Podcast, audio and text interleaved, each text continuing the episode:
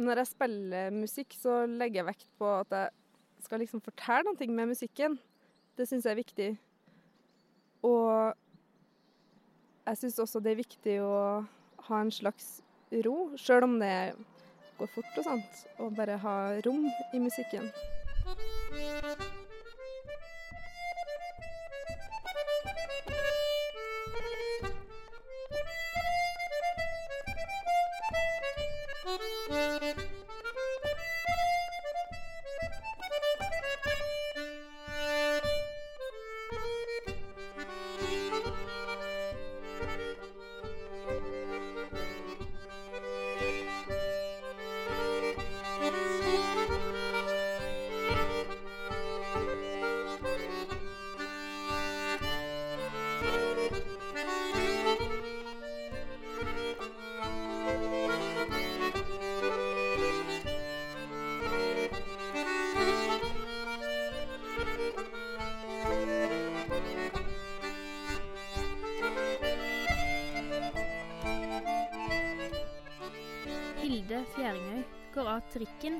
Leder han oppover mot skogkanten i en av hovedstadens grønne flekker.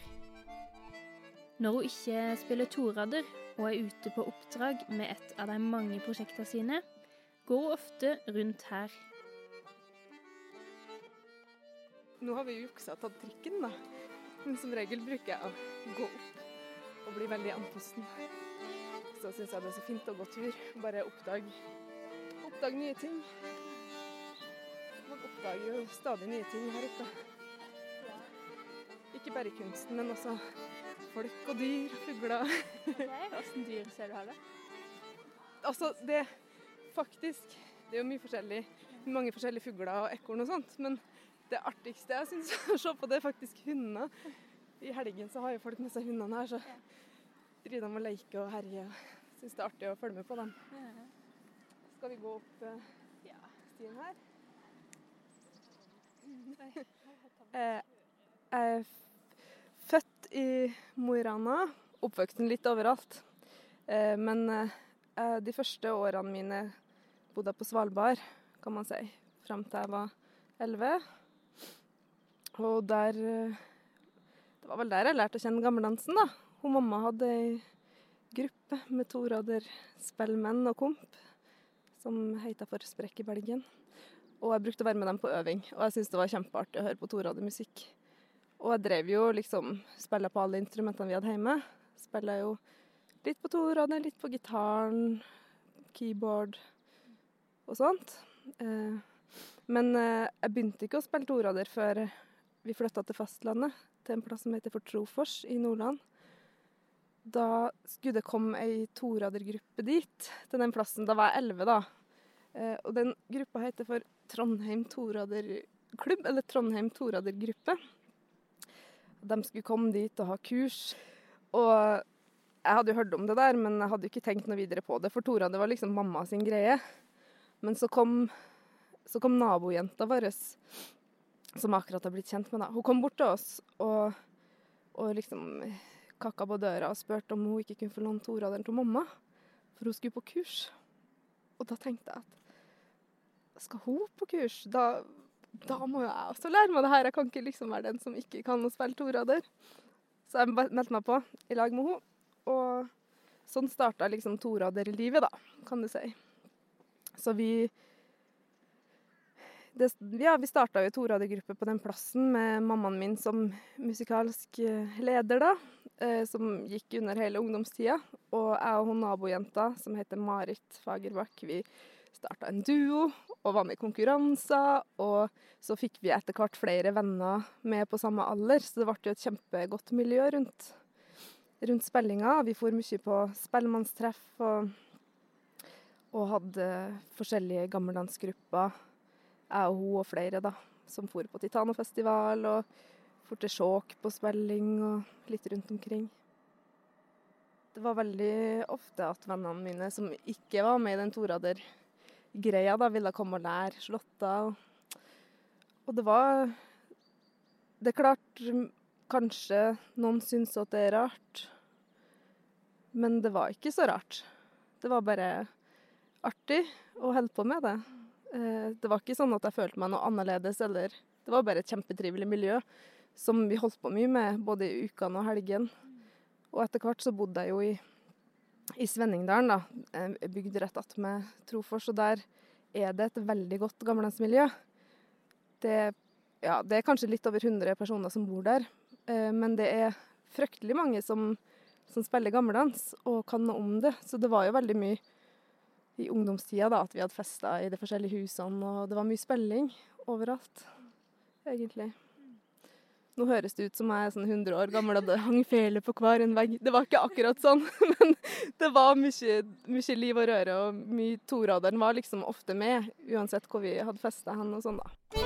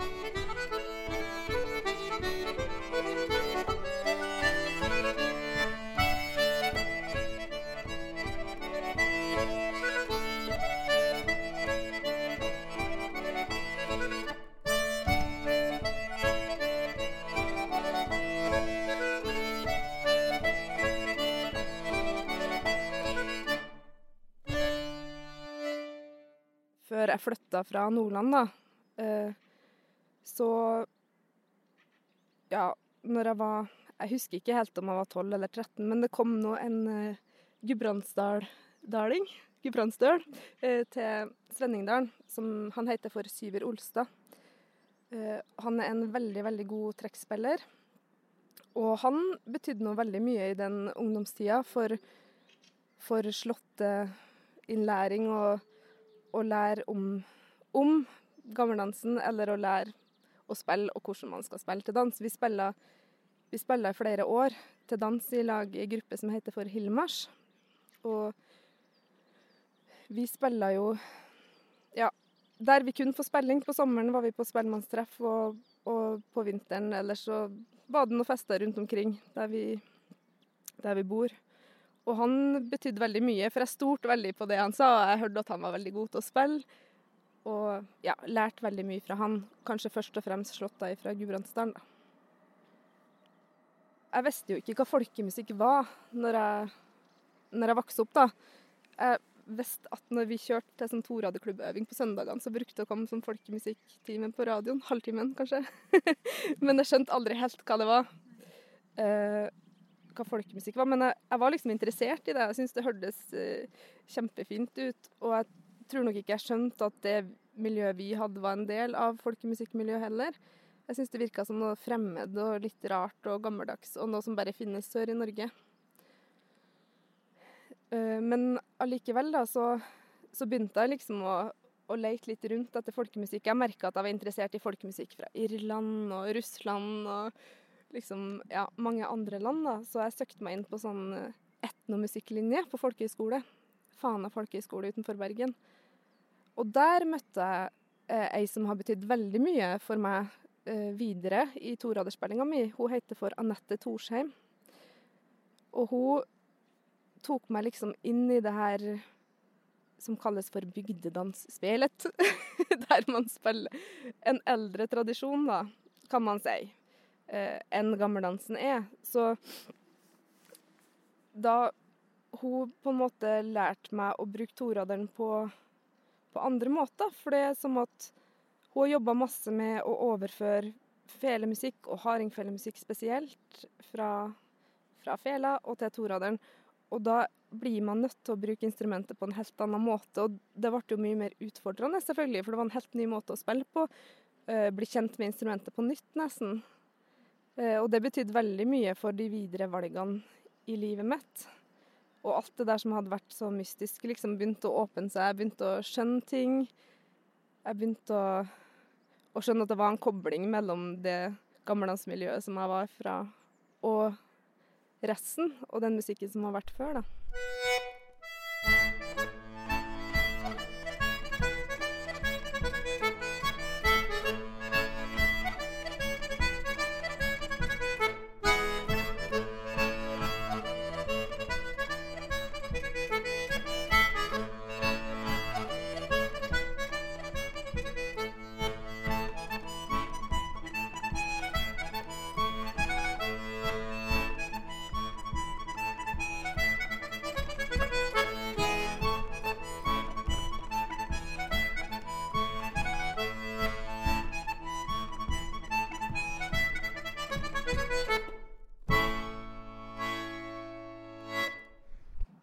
Men du har jo vært mye i eh, de andre nordiske landene òg.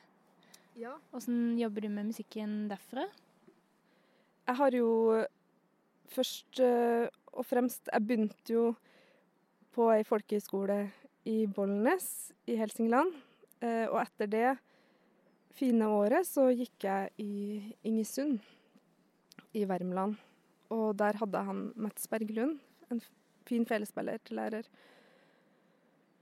Så jeg hadde fått liksom fått med meg ganske mye fra Sverige og ble veldig glad i den musikken. Eh, og så var jeg tilbake på Ole Bull Akademiet og gikk et par år. Og så lengta jeg tilbake igjen til Sverige, så jeg, jeg gikk et år på utveksling i Stockholm.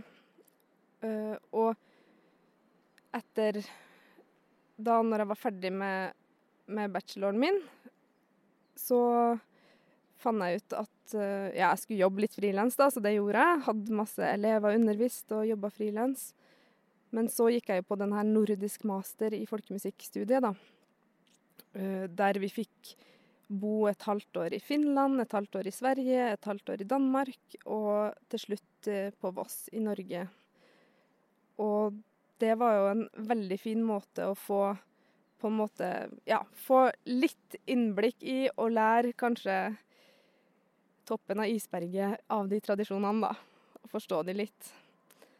Men du spurte om hvordan jeg har lært meg. Ja, eller hvordan Er det noen forskjell, eller tenker du Tenker du på alt som bare musikk, eller tenker du nå skal jeg spille noe svensk, nå skal jeg spille noe finsk? Og Jeg tenker jo på det som musikk, og jeg, jeg vil Når jeg spiller de slåttene som jeg har lært i andre land, så gjør jeg vel sånn som jeg gjør med all annen musikk, at jeg prøver å lære meg det sånn som jeg har Sånn som jeg syns at læreren spiller det, da. Og, og prøve å lære meg hovedtrekkene. Men så skal man jo gjøre musikken til sin egen. Og etter Kanskje etter ei viss tid så blir den enda mer sin egen, og kanskje man glemmer ut litt det der eh, Det der som man tenker på som 'sånn skal det være'. At man, at man får det mer inn i ryggmargen og spiller det som seg sjøl. Og, og sånn tenker jeg med, med all slags musikk. Jeg tror nok kanskje i begynnelsen, når jeg studerte folkemusikk på f.eks. Ole Bull Akademiet, så var jeg veldig liksom veldig redd for å gjøre feil, hvis du skjønner. Jeg, jeg ville liksom Ja, nå skal jeg f.eks. da gå inn i denne Drevja-tradisjonen eh, med toraderen. Og da må jeg spille så likt den fela som jeg kan, og så likt opptakene som jeg kan. Og, og ville liksom at tempo og alt skulle liksom henge på greip og være sånn tradd. Sjøl om jeg hadde jo ingen lærer på det som Jo, det hadde jeg. Hadde han Ståle Paulsen, forresten. Men på de arkivopptakene da, så hadde jeg ingen lærer. Eh, og da Da ville jeg liksom gjøre det så riktig. Men så tenker jeg at det er jo ikke Jeg må jo gjøre den musikken sånn at jeg syns det er artig å spille den. Jeg må jo spille det som jeg syns er tøft med slåttene, må jo jeg eh, legge vekt på å vise fram. Og så, hvis noen vil høre hvordan det hørtes ut på de opptakene, så ligger jo dem der. Det er jo bare å gå og høre. Så det er liksom en sånn, sånn tanke videre, da. Hvis man er redd for folkemusikkpoliti. Hva nå det er. Men så, når jeg nevnte han Ståle Paulsen, da, som jeg har lært mye slåtter fra Helgeland av, så er han også en veldig, veldig fin og avslappa spellemann. Han er absolutt ikke streng eller noen ting. Så det er veldig det er veldig herlig at folk har et eh, åpent sinn når man skal spille tradisjonelt. Jeg har egentlig ikke møtt noen som har vært streng. Jeg har bare hørt at det finnes.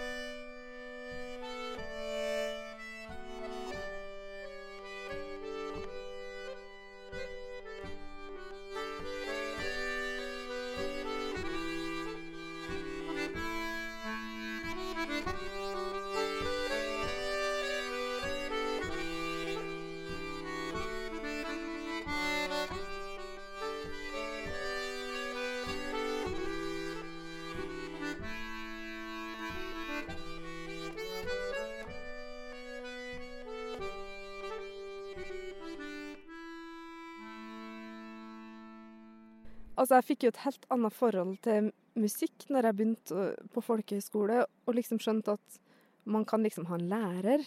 Jeg tror jeg var, jeg var 20 da. Jeg begynte på folkehøyskole og bare shit. Man kan, man kan liksom ha sin egen lærer. Jeg visste jo det, da, men på torader, da. Eh, og så ble det veldig sånn her Det her med musikken ble veldig sånn min greie, og nå skal jeg sette inn et rom. Et mørkt rom, kanskje. og være litt sånn, og ha det kjempevanskelig. Og lære meg vanskelige ting, og nesten begynne Du vet.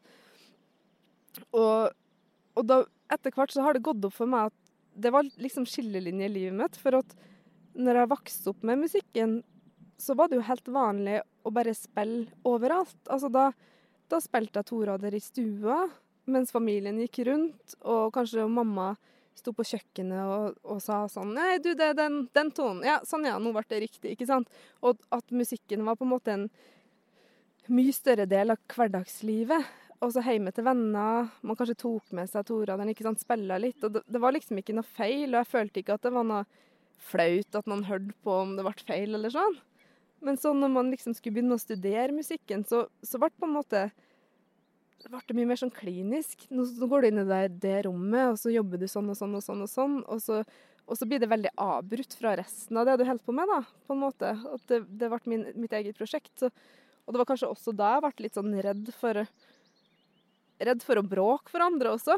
For før så syntes jeg ikke det var noe problematisk at andre skulle høre på. Men ja.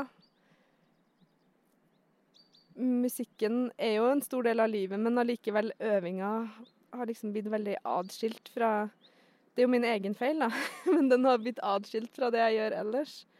At det er, en sånn, det er de timene, og så gjør man noe annet. Men tror du ikke det er sånn det er for mange folkemusikere? da? At du, det er mange som ikke har måte det begrepet inne med om å øve, men veldig mange bare som spiller mye? Ja, jeg tror jo spilling og øving er, er hand i hand, altså. det er jo ikke så Noen sier at de aldri øver og så er de kjempegode. Og det betyr jo at den spillinga som de bedriver, er konstruktiv. Uh, at det skjer noen ting.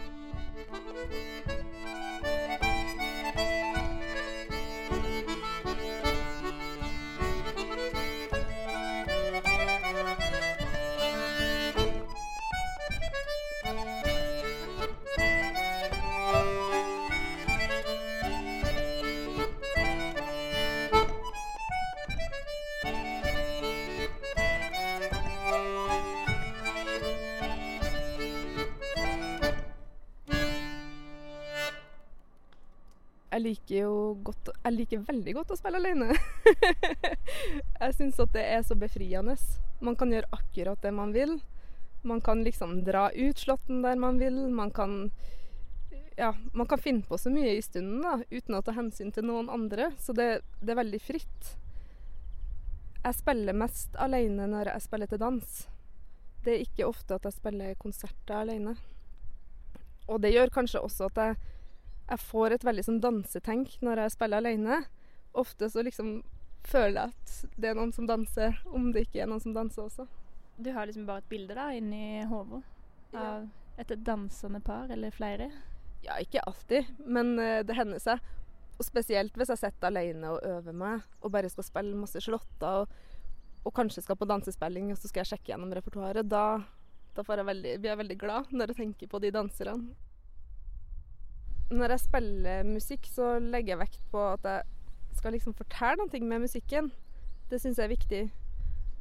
Og jeg syns også det er viktig å ha en slags ro, sjøl om det går fort og sånt. Og bare ha rom i musikken. Jeg, jeg fokuserer også veldig mye på at det skal være interessant for meg sjøl. Og at jeg liksom spiller og syns at det er liksom artig å legge hele sjela mi i det. At, uh, at, jeg kan være litt fri i det jeg gjør, sjøl om det er faste slåtter. Da blir det mye mer uh, spennende.